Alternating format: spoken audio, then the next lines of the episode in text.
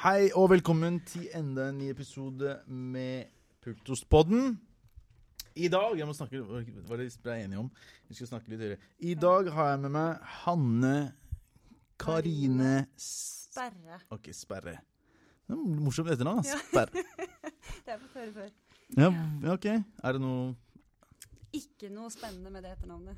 Ikke? Nei, Ok, Du har ikke noe sånn der Bestefaren min Nei. gikk over fjellet, Så ble det- Nei.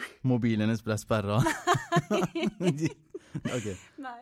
Nei, ok, nei jeg, jeg veit ikke. Jeg bare spør. Hanne, um, vi må liksom gå litt sånn kjapt gjennom um, hvem du er, for i dag er det ganske spesielt. Ja. I dag så skal vi, vi skal bytte litt rolle, vi, etter hvert. Mm. Du skal intervjue meg, du, egentlig. Og det er litt spennende, fordi det har, aldri skjedd før. Så det jeg lurer på Du er jo frilansjournalist. Ja. Det er det eneste jeg vet om. Så vet jeg at du har skrevet noen bøker. Kan du fortelle Du trenger ikke, så du kan bruke god tid på altså. På um, hvilke bøker er det, og hvorfor akkurat frilans?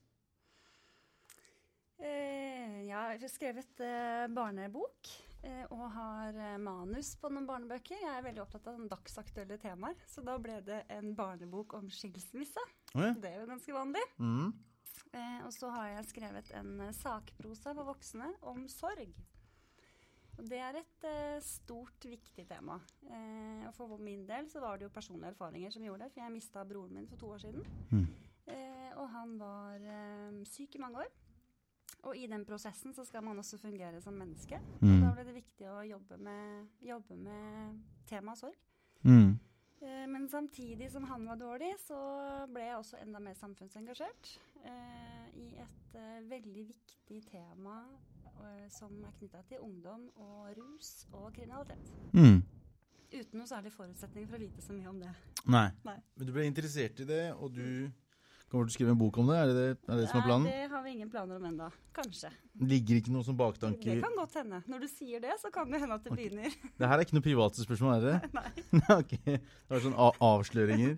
Nei, men det, Du må gjerne dele med oss hvis du tenker på det. Altså. Kanskje jeg kan bidra litt der. Nei, men engasjementet mitt er stort. Jeg er samfunnsengasjert og jeg er opptatt av temaer som rører seg i samfunnet. Og jeg mener at um, ungdomskriminalitet det er jo hett å snakke om for tiden. Mm. Eh, og det er kanskje mye vi ikke snakker om Mm. som har med dette å gjøre. Ja. Og da er jeg opptatt av å grave litt i det. Men før vi går videre til det, Ja. så vil jeg snakke litt om den sakprosaen som du snakka om. Du skrev for voksne angående sorg. Mm. Uh, under en perioden hvor broren din var syk Nå, sp nå spør jeg kanskje det er litt privat. Ja, det var fint. Ok, eh, Og det var det sånn at mye av sorgen tok du på forskudd, eller var det Nei, nå var han såpass dårlig at eh, sorgprosessen ble på en måte ferdig før han døde. Eh, Mm. så når han døde, så var jeg ferdig med å sørge, og da fikk man på en måte lov til å ta, eh, ta grep om livet på en annen måte. Fordi han var syk så lenge, mm. og vi visste at han kom til å dø. Eh, og han var mye på sykehus, og for hver dag som gikk, så gikk vi bare og venta på at han skulle dø, og det pågikk i fire år. Mm. Og da blir man jo ganske sliten, og så skal man jo fungere i arbeidsliv som kjæreste, som foreldre. Jeg er jo datter, eh, og alle disse tingene skal jo, er jo en viktig del av livet. Mm. Så hvordan man skal stå i det når man liksom opplever å vente på at noen man er glad i skal dø, Mm. det ble viktig for meg å ta tak i.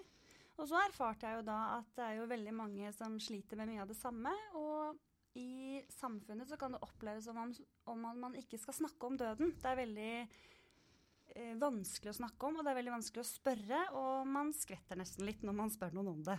For det vil man jo helst ikke sette ord på, men sannheten er jo at vi alle skal dø. Mm. Så det er veldig rart at ikke vi kan snakke om det. Jeg tenker at da blir det litt enklere å forholde seg til. Ja, vi har litt dårlig holdning overfor det. Mm. All, all, hva er det, er det som alle vil til himmelen, og ingen vil dø? Mm. En annen ting som jeg leste her om dagen, eh, det er en bok fra Jordan Peterson, hvis jeg ikke tar feil. Han um, sa noe morsomt. Han sa innerst inne i alle, alle mennesker mm. så er det sånn at alle vil um, vil at det skal bli dommens dag, på en merkelig grunn. At det skal være en sånn slutt på alt. Og jeg tror det er en sånn felles um, greie. Da da dør man ikke alene, for da er man mye tryggere. Mm, at det er noe med å være, være samla som en gruppe. Ja, det er, litt, det er et veldig mm. rar konsept at vi vil ikke dø, men først vi skal gjøre det, så skal det være så jævlig dramatisk. Ja. At vi skal være sånn samlet, så går det helt fint. Da kan, vi, da kan alle sammen eh, bli med. Men jeg støtter jo tankegangen, da.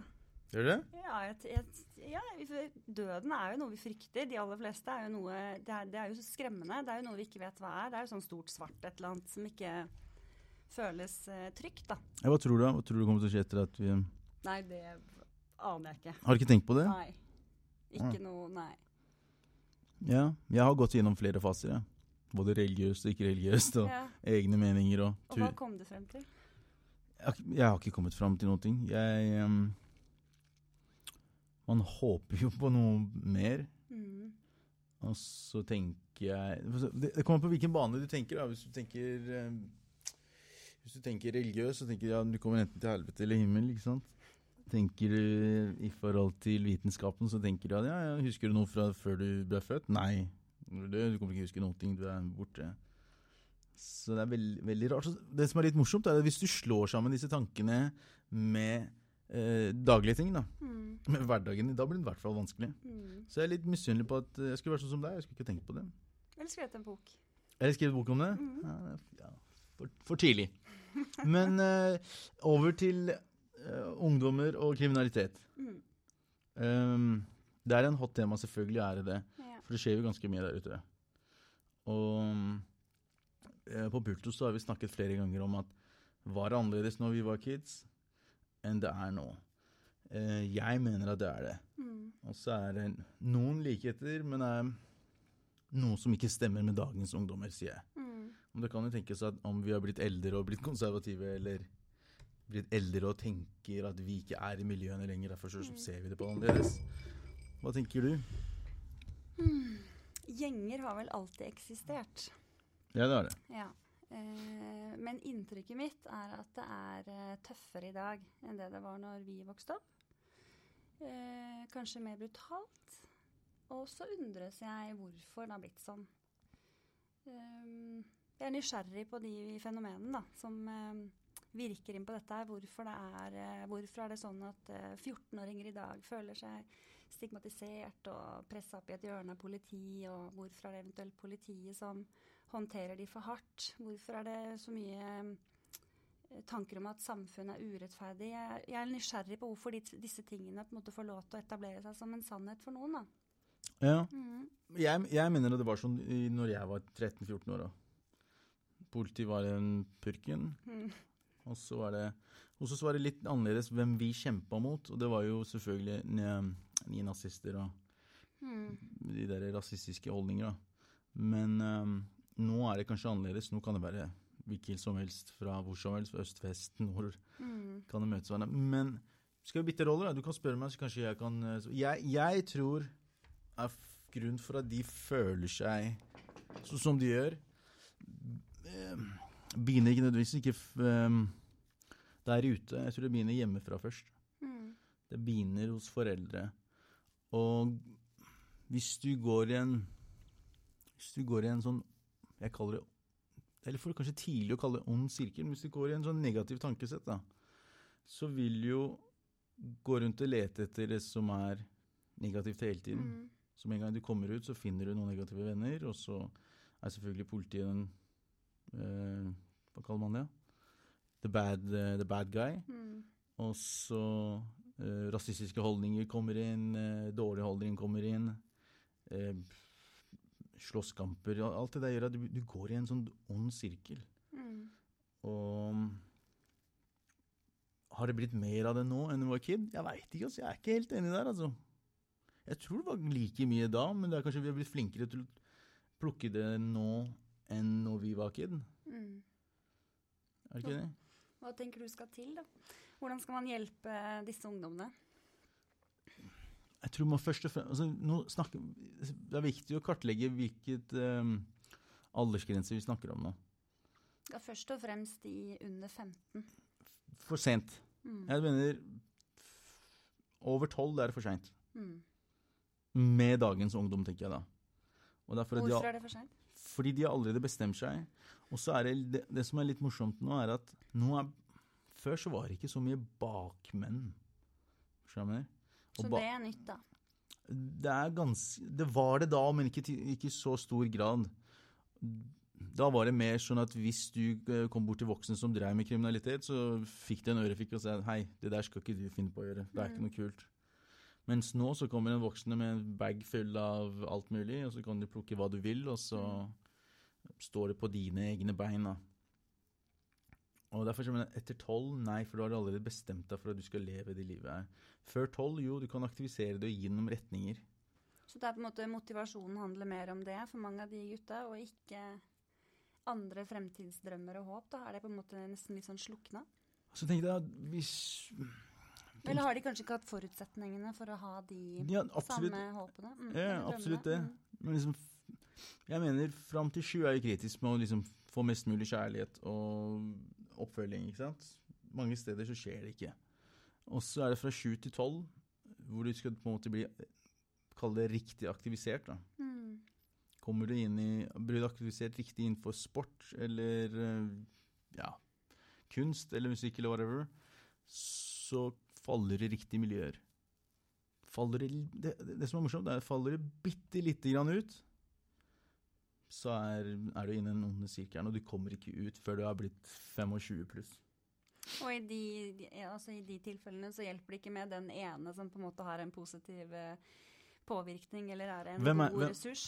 Hvem er den ene? Er det en støttekontakt? Det kan jo være hvem som helst. Bare man har en på en måte sånn signifikant annen da, som er en, eh, en god ressurs. Det vil på en måte ikke heller påvirke i riktig retning. En god ressurs er hvis den er til stede der og da. Mm. Problemet med ressursene om dagen er at det tar så lang tid før ressursen kommer inn. Mm. Altfor lang tid. Mm. Altså, hvis du skulle ta opp barnevernet eller utekontakten eller politiet eller foreldrene, whatever. Det tar jæklig lang tid. Ja. Og jeg, jeg, ser Det er mange de, Jeg ser de som får til, er ildsjeler. Og de ildsjelene er for at de selv har gått gjennom disse periodene av livet sitt men de blir ikke tatt på alvor. Enten er det fordi de har manglende utdannelse, mm. eller så er det fordi de har hatt noe kriminell bakgrunn. Um, jeg, jeg, tilbake til jeg, jeg tror hvis du, hvis du vil hjelpe noen, den positive personen, da må du før du er tolv år, altså. Mm. Det jeg ser nå, i hvert fall. Etter tolv så har du liksom allerede følt på det der lettjente pengene og røyke og eh, uttrykke deg som den gjengen vil at du skulle være. ikke sant? Og kanskje det også at de har fått lov til å da holde den stien for lenge, så det på en måte har blitt en uh, Vane? Ja. ja, klart det. Og noe man slipper unna med. Ja, ikke sant. Mindreårige slipper unna som bare mm. det. Jeg husker når vi møttes sist, så var det eh, Hva heter han? Geir Tveit. Tveit, ja. Hvor vi snakka om ungdomsfengsler. Jeg er, jeg er ikke imot det.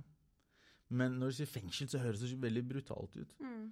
Men det er bare Jeg mener, noen ganger så trenger man timeout for å komme seg vekk fra det miljøet. Kanskje man må liksom snakke mer om begrepet innelåst, da, hva det faktisk betyr. Det trenger, ikke, det trenger jo ikke bety fengsel. Nei, det, nei, nettopp. Men det trenger være et sted hvor en ungdom trenger en timeout med Eh, positive folk rundt seg mm. som faktisk bryr seg. Det, det, som skjer med mange av de ungdommene, er at de slår seg såpass vrang fordi de, tro, de har ikke troa på at de voksne har gjort en bra jobb, mm. og at de bryr seg. Det er, det, er, det, er, slik jeg opplever de ungdommene. Men øh, jo, innelåst med folk som virkelig bryr seg. Ikke sånn derre A4 type eh, kommet rett ut fra studiet og tror alt går etter boka. Men med grunnleggende god kompetanse og erfaring. ja. En blanding av det. Og erfaringskonsulenter, kanskje. Ja, alle, alle blir så kjepphøye på seg. Uansett mm. hvilken eh, bakgrunn de kommer fra. Ja. Jeg uten kanskje utdannelse som ja, jeg har kjempeerfaring fordi jeg har vært der selv, eller en som har masse kompetanse som går kun etter boka. Ja. Så jeg, jeg, tror hvis man møtes og greier å kommunisere, så tror jeg redningen kan være der. Men jeg vil jo tro at om man har valgt en, eller har en uh, kriminell bakgrunn, hvis man på en måte skal komme seg ut av det, så er det noe med å ha noen forbilder som faktisk har kjent det på kroppen. Fordi eh, de med utdanning og kanskje eller de som kommer fra andre steder av samfunnet som har hatt det enklere, mm. eh, vil jo ikke ha den samme vil jo ikke ha kjent det på kroppen på samme måte. Så hvis du på en måte skal komme deg noen vei, da, så er det noe med å møte noen som har gått den veien. Mm. Sånn at det er lettere å se opp til eller oppnå eller føle på en form for uh, håp, da. Mm. Men eller at man, man bruker de folka som har erfaring, på, til den kompetansen som fagfolk har, ikke sant? Mm. Og liksom at de kan Sånn som han derre um, Ali, hva heter han? Mikael. Mikael, ja, ikke sant? Han har en kjempegod erfaring, så han er veldig åpen. Mm. Han kan stå og holde foredrag eh, på universitetet og fortelle de at ok, hvis man skal gå inn på de, så kanskje du kan gjøre det sammen med meg, eller så kan jeg gi noen retninger hvor du kan gå inn på den kiden. Mm. For kidsa er dritsmarte. Kommer hun og prøver late som du skal lure dem, da, da har du mista respekten. Mm. Nei, det er, det er, først har du brukt lang tid på å få tak i den kiden, og så skal du miste respekten, så blir det, kommer det en sånn kjempestor gap igjen på å miste kiden. Nei. Sorry, Mac. Men hvor er du oppvokst? Eh, I Oslo? Mm. Eh, jeg har vært sånn sigøyner. Jeg har vært overalt. Jeg er litt, først på Holmlia, og så har jeg flytta rundt overalt. Og det, og det er en av de største problemene med Oslo, er at er du ikke fanget av Eller fanget er litt feil å si, da. Er ikke plukket opp av f.eks. barnevernet eller en etat som skal ta vare på deg som mindreåring, Mm. så står det på egen Mm. hånd, ikke sant. Eh, det gjorde jeg. Og det som skjer, er at bosted er det største problemet. Mm. Så du flytter jo på deg konstant, og du mister en sånn kjempeviktig trygghet. Mm. Eh, da kan du glemme skolen. Den Skulking blir nummer én prioritering, og så faller du veldig enkelt ut. da. Mm. Og det samme problemet er jo nå også. Kjempehøye husleier. Um, hva skal jeg kalle det da? Du, du har ikke noen form for eh, garanti noe sted. Skolen løper etter deg for å få deg til å liksom komme på i klasserommet, men det skjer jo heller ikke. Blir det litt sånn 'survival of the fittest', da? På en måte? Ja. Mm. Og en annen ting som er Det er en veldig morsom innlegg jeg leste for eksempel, Eller det er en liten stund siden. Altså, det er veldig lett å være fattig i et fattig sted. Det er Mm. jæklig vanskelig å være fattig rike. som- Mange av de kidsa, som meg når jeg var kid, jeg hadde lyst på de feteste tingene, jeg også. Så enkleste veien, som du sier, survival of the fittest, du går jo og skaffer det Mm. på ja, Mm. den veien som tar seg. da. Mm. Hva med deg, ja? Hvor var du vokst opp? Oslos beste vestkant. Å ja. Mm. Hvordan. Jo, jo, det er, det er jo interessant, det òg. Ja, nei, Holmenkollen. Oh, ja. Med sånn mor, far og barn, lillebror. Eh, gikk på Hovseter. Voksen skole og Hovseter. ok, Mm. alt var chill. Ja. Men så har jo jeg mine ikke sant, det, å være, eh, det å være ung og ha en eh, Min lillebror var multihandikappet. Ja.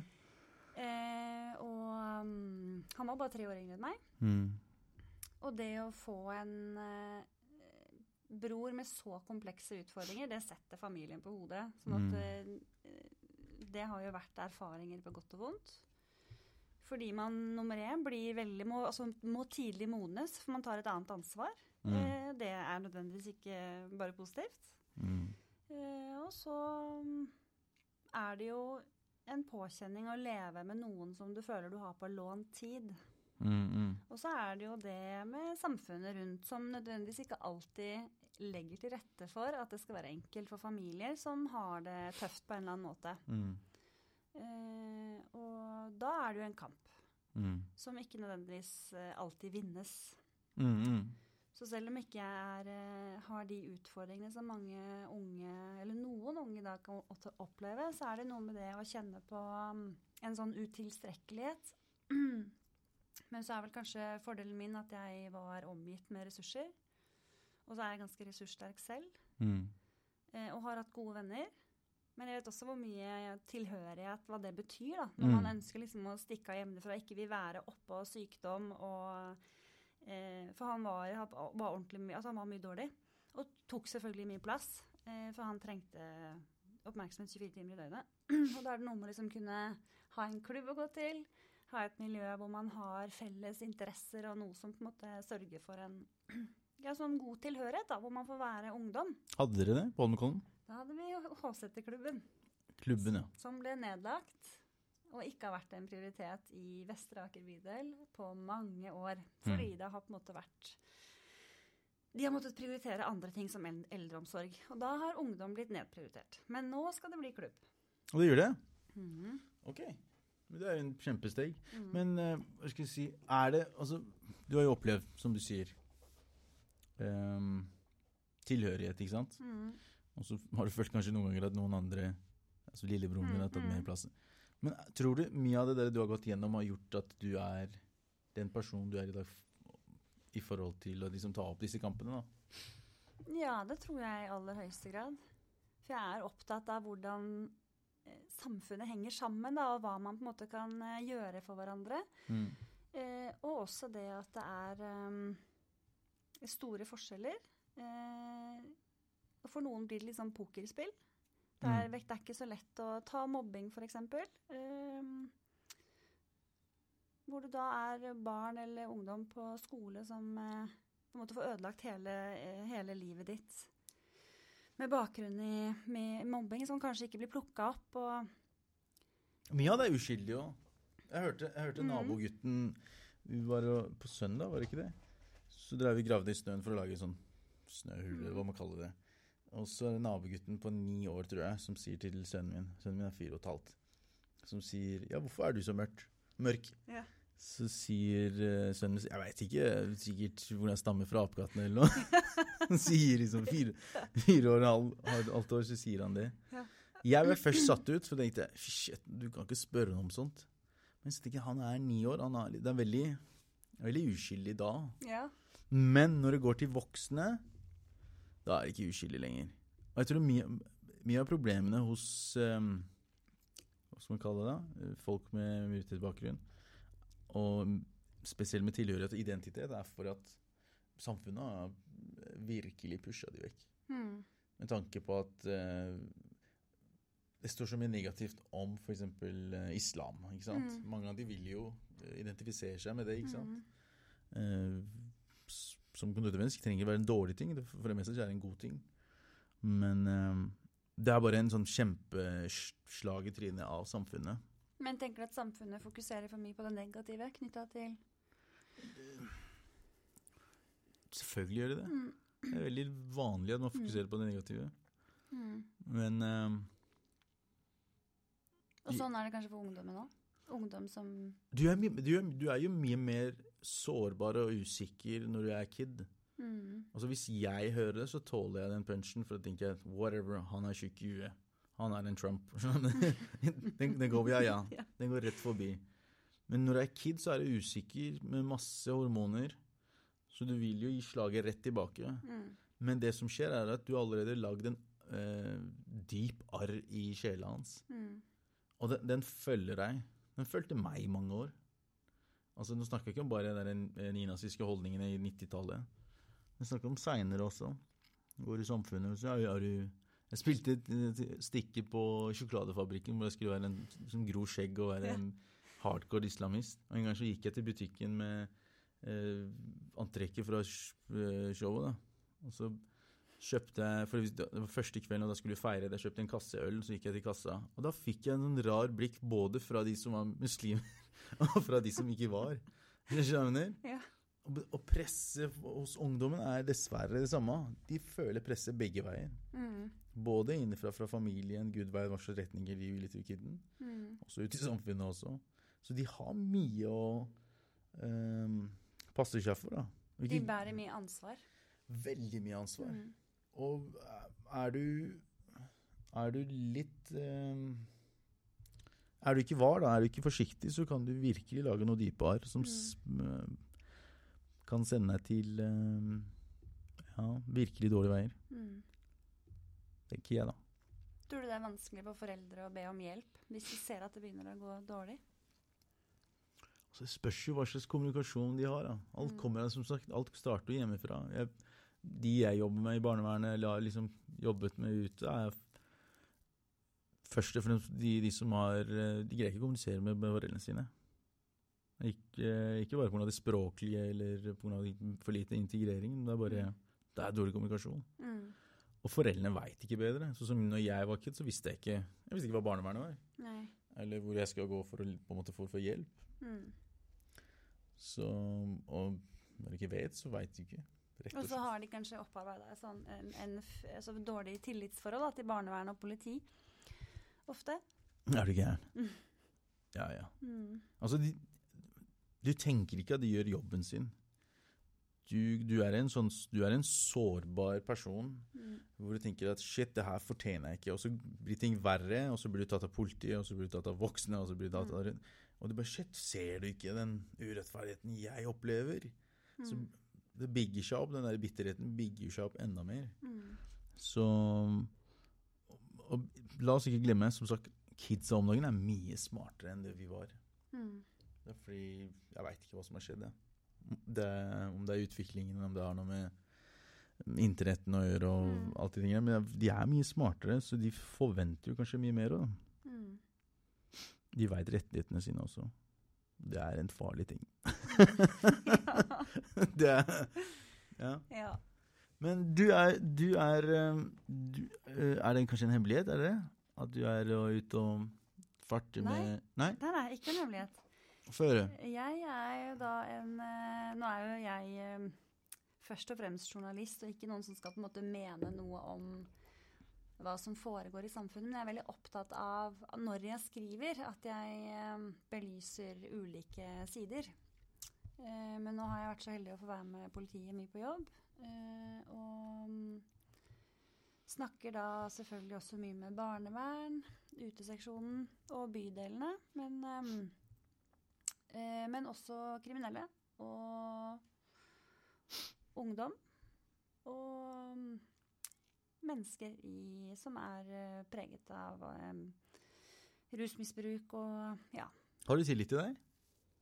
Jeg opplever det. Gjør du det? Mm. Er de åpne og ærlige, liksom? Jeg opplever det, men nå har jeg jo på en måte ikke misbrukt den, den tilliten heller, da. Det er ikke sånn show-off-greie? Det, er- Nei. det er reality-TV, liksom? Ja, jeg opplever det.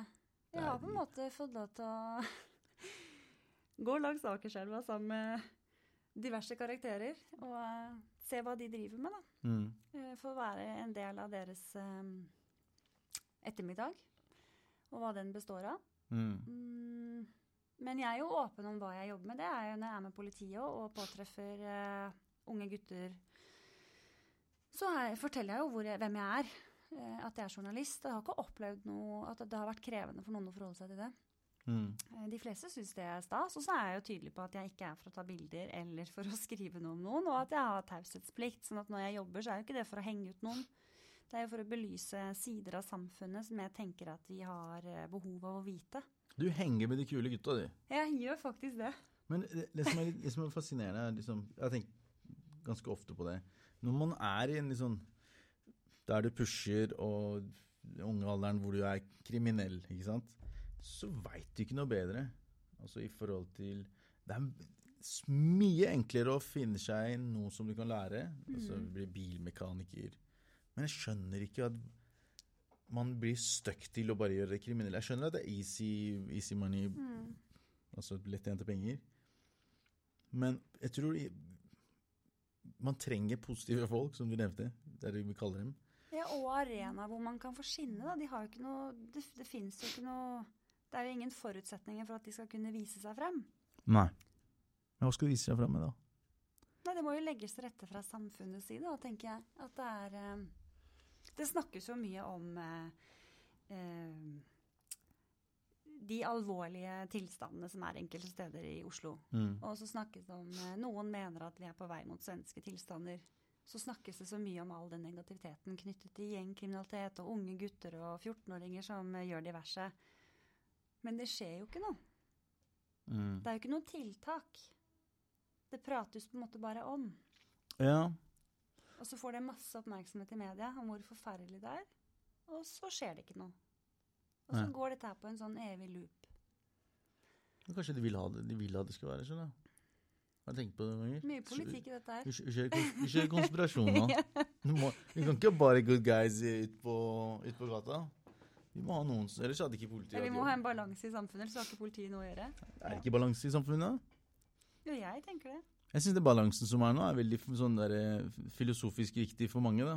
Tenk på deg selv, gi faen i andre. Men det er ikke noe balanse når unge gutter og jenter har det vondt. Og, og um, det klarer jeg liksom ikke å se på som en uh, Ja, så lenge det er ikke ditt problem. Jeg bare, jeg bare, jeg, Jo, det er mitt problem. ja, du, selvfølgelig er det det. For meg tenker jeg sånn, da. Eller for min del så tenker jeg at det er mitt problem. For sånn i et samfunnsperspektiv så angår det alle. Ja, men du er engasjert. Resten av samfunnet, de ser på nyhetene. Du hører det bare Det her er ikke noe bra. Mm. Dagen etter så er de tilbake til hverdagen sin. Jeg tror det er der problemet derfor. Mm. Det blir alltid snakket om det, men ikke gjort noe med det. Inntil det står i ens egen hage, da. Eller skjer noe med barna har blitt truet eller rana eller noe sånt. Da mener man noe. Ja, ikke sant? Til jeg, he, Mm. helt du kjenner inn på Mm. Men se på holdningene sånn ellers også. Sånn, Eller vekk fra det. For eksempel Jeg har blitt liksom eh, Det er så morsomt Facebook. Folk adder deg på grupper og sånne ting. Den ene gruppa jeg er blitt adda på, er Stopp ACER eller noe. Det er den derre strøm Mm. Ikke selg strøm til utlandet Ja. og la, la, la. Ikke sant? Så er det vel 300 000 medlemmer, men det skjer ikke en dritt. Alle vil betale mindre strøm, men fortsatt er det ingen som får gjort noe med det. Hvilken av det altså, Er ungdommene viktigere, eller de 300 000 medlemmene som alle ønsker den samme tingen? Mm. Er, er, er, er, er, Jeg følger deg. skjø- skjø- skjønner du hva jeg mener? Ja. Jeg tror vi mennesker har blitt litt late, rett og slett. Ja. Som du sier, helt til vi kjenner det på noen står utafor døra di og truer deg. Ja, da er vi ikke så late lenger. Nei. Da skal man jo mene noe, og så vil man ha slutt på problemet. Mm. Men før de står i egen hage, så er det ikke mitt problem. Ja, hva er det som har skjedd? Kan ikke man kjøre en Vi skulle nesten hatt noen på studio som hadde gjort en research på akkurat det. Hva skjer med samfunnet? Mm. For jeg, jeg mener Et av de største problemene med de kidsa de siste 20 årene er alle de konspirasjonsteoriene som er der ute. Fordi de, de har mista tilliten til eh, sine ledere og den urettferdigheten de ser. Mange av de ungdommene er superopptatt av hva som skjer der ute i verden. Mm. De ser en kid bli banka opp nede i f.eks. nede i Palestina. Så kjenner de den på kroppen, og så Mm. vil den automatisk Mm. gå videre til det blir noe ondskap her hjemme. Mm. Og når du føler at ingen kan hjelpe de verken der ute og her inne, så går det en sånn, som du sier, evig rør om å prate om det, men hva så? Ja, og da, så lenge man holder på sånn, så mister jo også barn og ungdom tillit til at det skjer en endring. Da er det bare prat. Så kan man bare holde på som man vil. Ja. Tenker du det? Ja. Nei, jeg, jeg, tenker, jeg tenker det er veldig synd at vi, har, vi er der hvor liksom skal bare være prat, ja. Mm. Jeg husker når de skulle stenge ned ungdomsklubber og ungdomskulturhuset for noen år tilbake, for de skulle spare til OL. Mm. Og vi som har jobbet på sånne ungdomsklubber eller ungdomskulturhus, er bare dritfrustrert. Hvor viktig det her er for kidsa, et sted hvor de kan henge. Men for de som skulle spare til OL, det var jo De fleste stemte jo for OL. Mm. De, de dreit i om klubbene ble stengt. Kommunene måtte jo spare penger. Kanskje det skulle vært sånn at politikere og andre måtte hatt eh, praksisplass enkelte steder i samfunnet før de fikk lov til å jobbe som politiker. Det er en god idé. Mm. Mange av de later som i hvert fall. Skal vi lage en Facebook-gruppe på det- Jeg tror ikke vi får så mange Jeg tror ikke vi får så mange Alt som har med penger å gjøre får- ikke noe følgere? jeg, Jo, jeg tror vi må lage en sånn fake profil først. Hvor liksom, det har noe med penger å gjøre. Ja. Folk bompenger eller noe sånt. Og så etterpå så forandrer du på navnet på det. Sier at ja. de trenger Ja, når du har fått mange, mange mange hundre tusen, så kan man switche det til kidsa. Mm. Jeg veit ikke. Er, er jeg veldig sånn pessimist? Høres jeg veldig pessimist Nei, gjør jeg? Eh, Gjør jeg det? Nei. Nei. Nei, fordi du er, du er engasjert. Du henger jo med Men dem. det gjør du òg. Jeg gjør det, men jeg er fortsatt pessimist for det. Ja. Og det er kanskje jeg er arbeidsskada og dårlig erfaring, men uh, Jeg vil ikke akkurat si at jeg henger med de, men litt. Kanskje mer enn mine venninner. det er kjempebra. Ja. Husker jeg For ti år siden så var det noen venner av meg som ikke turte å komme til Løkka. Nei. Det er sant? Hmm. Så vennene dine burde være stolt av deg. Ja, det, ja, det skal jeg si. I dag har jeg drukket kaffe med noen gode nyetablerte, altså nye, nyetablerte vennskap med noen som har en litt alternativ bakgrunn enn meg. Det er veldig hyggelig. Er det? Man lærer jo så mye av det. Hva, hva legger du i alternativ? Relativt eh, kriminell og høy på rus. Oi! Ja. Ja. Men jeg synes at det er, det er jo masse farveklatter i samfunnet da, som vi burde lytte til. Ja. Er du ikke redd for at du skal slite deg ut? Er det min påstand nå? Nei, jeg tenker at eh, Kan hende jeg er yrkesskada òg, da. Fordi jeg er vant til å passe på broren min. Mm. Så når han har gått bort, så må jeg finne på noe annet. Men, eh, men eh, det her er ikke noen terapitime, så du skal få slippe å avgjøre det. Nei, nei, det, ble... Men jeg tenker at eh, så lenge man har, et, eh, har en lidenskap, da. mm. Sant? Det er jo min driv. Og da Da har man jo ekstra energi til det. Jeg, jeg driver og tester eh, Ja. akkurat drivet ditt, skjønner du. Ja, det er fint. Nei, det var Skal vi se hvor, hvor Nei, men det, er, det som er veldig morsomt, er at du er fra trygge rammer. Du har en helt annen bakgrunn enn eh, de fleste av oss, holdt på å si. Jeg skal ikke si at jeg er en sånn kjempeildsjel, men i hvert fall vi som har jobbet tett mange år. Og at du, du driver det du gjør, er fantastisk. Ja, jeg tenker det. Jeg, jeg hadde ikke gjort det. Nei. Jeg tror hvis jeg hadde Nei, det er, vel det er litt kanskje feil om å si. Jeg tenker Hvis jeg hadde kommet fra en sånn kjemperessurssterk familie fra Holmenkollen, så hadde jeg hatt en finansjobb eh, Noe så kjedelig? Hadde ikke beveget meg over Sankthanshaugen bortover mot østkanten. Ja. Ja, jeg hadde levd med en sånn kjempekjedelig Men det er jeg som balanserer Oslo vest med alt det rare jeg driver med. Du alene? Ja. Det er nok flere ildsjeler der, altså. Har dere en sånn felles Facebook-gruppe? Det burde dere hatt. Ingen Facebook-gruppe, ja, men avisen har jo den jeg skriver for nå. Hva er det, hvem er det du skriver for? Akersposten. Ja. Det er en sånn eh, sjarmerende lokalavis for eh, Oslo vest. Hvor mange er det som For- leser det? Det er eh, 25 000 unike lesere i uka. Eh, og 80 000 enkeltvisninger. Det er ikke sånn der Migrapolis eh, på vestkanten hvor det er sånn Her, se på den svartingen. Han gjør det dritbra. oh, husk jeg har, ikke, kanskje ikke fortalt det. Jeg tror jeg har fortalt det her i podkasten før. For noen år tilbake, det er mange år siden, Ja. så skulle vi til Litteraturhuset fordi en av sjefene her skulle få et pris. Årets utlending. Tenker, hva, hva legger man i årets utlending? Så det sånn, Vet du hva, neste år så skal jeg bli årets utlending. ja. så jeg tenker, det var interessant. ja. Ja. Men, jeg tenkte kanskje avisen deres er sånn derre Her er årets utlending fra østkanten. Nei. Det er trygt å gå, det trygt å gå, gå til Grønland nå fordi jeg har vært der og testa det. Nei, men nå tuller jeg. jeg skal, kommer jeg til å være i avisen? Jeg tenkte kanskje det. Var det? Ja. Det hadde vært veldig morsomt. Vi skal skrive om noe vi skal, jeg, skal, jeg skal pønske ut noe bra. Mm. Skal komme med sånn skikkelig kontroversielle Ja. ting som bare De bare Vi trenger jo sånne som deg i Oslo vest. De bare helt for Shit, hvem er han fyren? Hvor Du kommer til å miste jobben etter det? Er det? Nei. Nei. Men hva er, det, hva, er det, hva, er det altså, hva er det vi kan gjøre da for, eh, for deg som driver med research? Hva, hva trenger du? Opplyse meg og Opplyse meg og mm, bidra med et helhetlig perspektiv på som, eh, hvordan det står til. Mm. Altså, her, er, altså, man kan jo få en helhetlig, selvfølgelig. Og Mhm. Bidra perspektiv, så tenker jeg at det er veldig forskjellig fra person til person. For alle de kidsa har sin egen historie og bakgrunn. Det er ikke sånn at Jo, de får et sånt felles mål å henge sammen og lage kval med. Mm. og ha det gøy.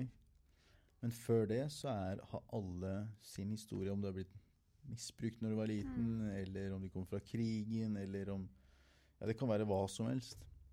Mm. Så jeg, og det jeg merker, er at når vi jobber i barnevernet og sånne ting, så er det slik at det tar så jæklig lang tid før noen av de tingene kommer fram. Da. Mhm. Og da er det allerede for seint. Men kunne altså kunne man ha kommet tidligere inn? Er det noe som kan gjøres for at man kan Ja, de, bidra tidligere? Hva skal til for at det er en åpenhet, da? Det har kommet mange gode forslag. Det ene var jo eh, Sett miljøterapeuter eh, og støttekontakter inn i klasserommene. Mm. Det er så viktig, fordi da veit du jo Hvis jeg får et oppdrag fra barnevernet og jobber som miljøterapeut, så går jeg, jeg går løs på den ungen. Mm. Det vil si at jeg går inn for å åpne personen og få mest mulig for å tilrette altså, til, Hva kaller man det? For å tilrettelage til, Jeg klarer ikke å si det. Tilrettelette det som kan være bra for han, ikke sant? Så det er en kjempegod idé. Bruk penger. og De stakkars lærerne blir slitet ut. Mm. Og det trenger bare én problembarn i klassen som ødelegger for alle andre. Men har du en terapeut som sitter der, kan han gjøre noe med den kiden der. Mm.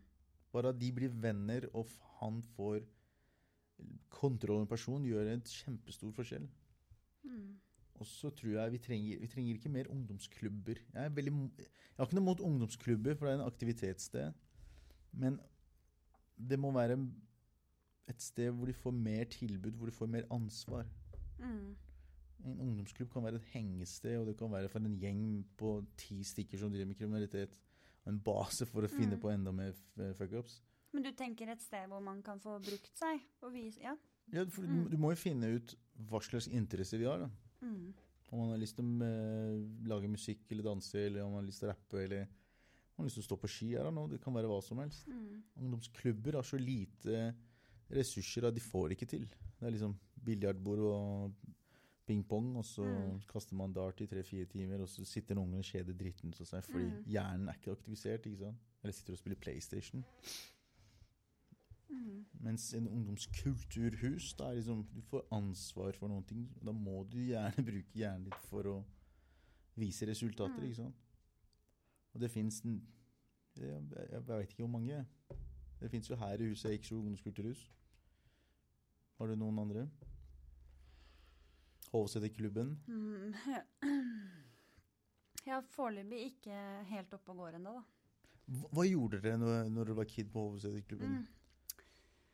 Da var det jo musikk som var mest interessant for meg, da. Så det var jo å være sammen med venner, høre på musikk. Og så var det jo dansing der. Men det var jo forskjellige aktiviteter ut ifra hva du hadde interesse for, da. En annen ting som er morsomt, er at du sier musikk. Mm. Da var kanskje musikk vanskelig å få tak i, for da måtte du liksom bruke ukelønna di på å 160 kroner på å kjøpe en CD.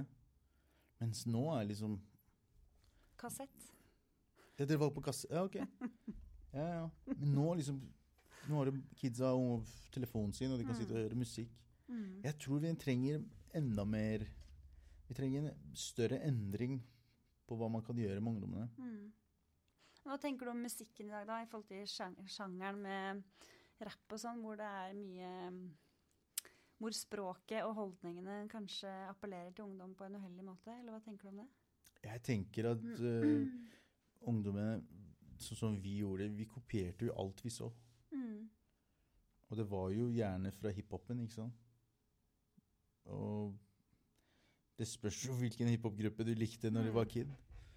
Og nå ser du liksom Alt handler jo om ehm, Alt handler jo om dop, damer og skyting og Ja. Mm. Kiden vil jo bare kopiere det.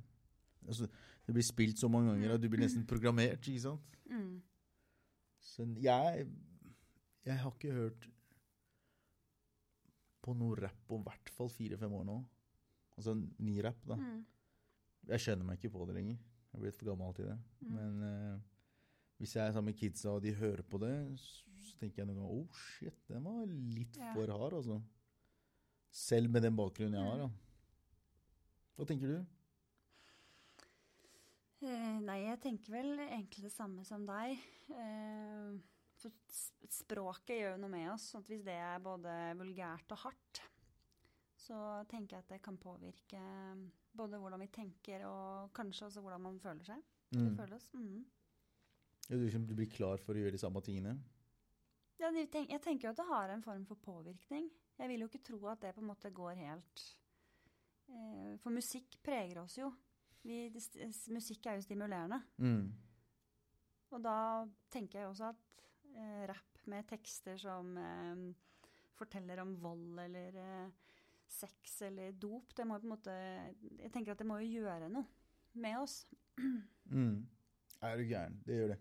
Mm. Og det ene, ene låta jeg hørte på, var sånn Jeg doper henne ned, og så er vi Mm. alle sammen på det og det. Så jeg bare, wow! Og det hører barn på. En kid på 12-13 som Ja. hører på det. tenker, oh ja, og det, er- det er sånn man gjør det, ja. Mm. Og så er det gjerne fengende rytmer, så de, blir jo, Mm. de vil jo gjerne ha musikken pga. det òg. Og så skjønner de jo i hvert fall ikke i åtte-niårsalder kanskje så mye hva teksten betyr. Altså, de er flinke i engelsk. De, de skjønner det. De tenker kanskje ikke over Mm. Ja. det, men automatisk så blir hjernen programmert. Ja. Oh, ja. Neste gang jeg får tak i den pillen, så får hun det, mm. og så Mm. gjør du den eh, musikkvideoen har lært deg, eller musikken har lært deg at du gjør det. da. Nei, jeg, jeg er ikke noen fan av uh, hiphop. Så Altså- holdningsarbeid starter på Det, det starter ved bestellebordet, det. Ja. Det gjør det. Og preges av hvordan vi selv er som foreldre. Ja, men kan du, altså Som forelder du kan ikke nekte kidsa dine om dagen. eller da? Hvor mye foreldrekontroll kan du ha da? Jeg tenker at vi kan ha ganske mye, jeg, da. Tror du det? Men jeg tror det er vanskelig. Jeg tror det er tøft. Jeg tror det er mye gruppepress Mm. blant foreldre òg. Jeg tror ikke det er så lett å eh, ta, ta russen, da. Og hvor man skal eventuelt være den ene som sier nei til at eh, barna skal få dra til eh, kos, eller eh, mm. Det er ikke så lett, det heller. Nei. Vil jeg tro. Nei, jeg, jeg, jeg tror det.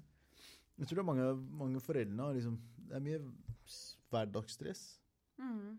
Så jeg merker jo selv, da. Jeg er jo mer på mobilen min når kiden min ser på barne-TV. Mm. Og så skal vi være tilgjengelige på alt. Mm. Mm. Og så skal vi få med oss alt også. Det skjer så jæklig mye òg. Og helst realisere oss. Yes. Mm. Så tilbake i ond sirkel. Mm. Vi, ja, jeg, tror, jeg, jeg vet ikke om jeg sa det da vi var på Født Fri-arrangementet. Jeg tror det er et samfunnsproblem. Mhm. Det der med kidsa, de gjør det. Det er ikke bare Valget ligger ikke kun hos de. Selv om vi skal ha det til at alle kan bestemme over seg og sitt liv. Men at vi foreldre må begynne med oss selv. For, ikke bare foreldre, nabo, eh, Mm. mannen i gata. Mm. Altså, Har du fått en dårlig opplevelse med en inder, så vil du kanskje hate alle indere for resten av livet ditt. ikke sant? Mm. Og mange i de siste 15 årene har hørt så mye dritt og negativt om utlendinger og muslimer. Og de, Mm. det som er litt morsomt der, er- det må vi ikke glemme å si, er at det vi hører og leser, er bare liksom nesten et prosent, ikke sant? Av alle vi skjærer over Mm. ja. For det står i utgangspunktet ganske bra til med de aller fleste ungdom. ja, de gjør det. De er smarte, de er flinke. De Jeg kjenner dritmange som er bare er helt rå på å lage musikk eller spille instrument eller studie, eksempel. Mm. De tar det virkelig seriøst. At de, de, vil, ikke da liksom ta en bachelor. Liksom. De er veldig bevisst på at de skal ta mastergrad og doktorgrad. Mm. Gud vet hva. Det er kun det ene prosentet som ødelegger for jæklig mange andre. Mm. Og det er en annen påkjenning som vi har på kroppen, da, er at vi må gå rundt og forsvare det, ikke sant? Og til en viss grad så blir du lei, liksom. Du Mm. trenger du ikke liksom vise til naboen din at ja, jeg, er helt normal. Selv om jeg ser på deg, du trenger ikke at jeg ikke er det. Men jeg liksom, jeg, jeg er sånn som deg. Jeg går på jobb og betaler skatt og Mm. driver ikke med noe kriminalitet, i det hele tatt.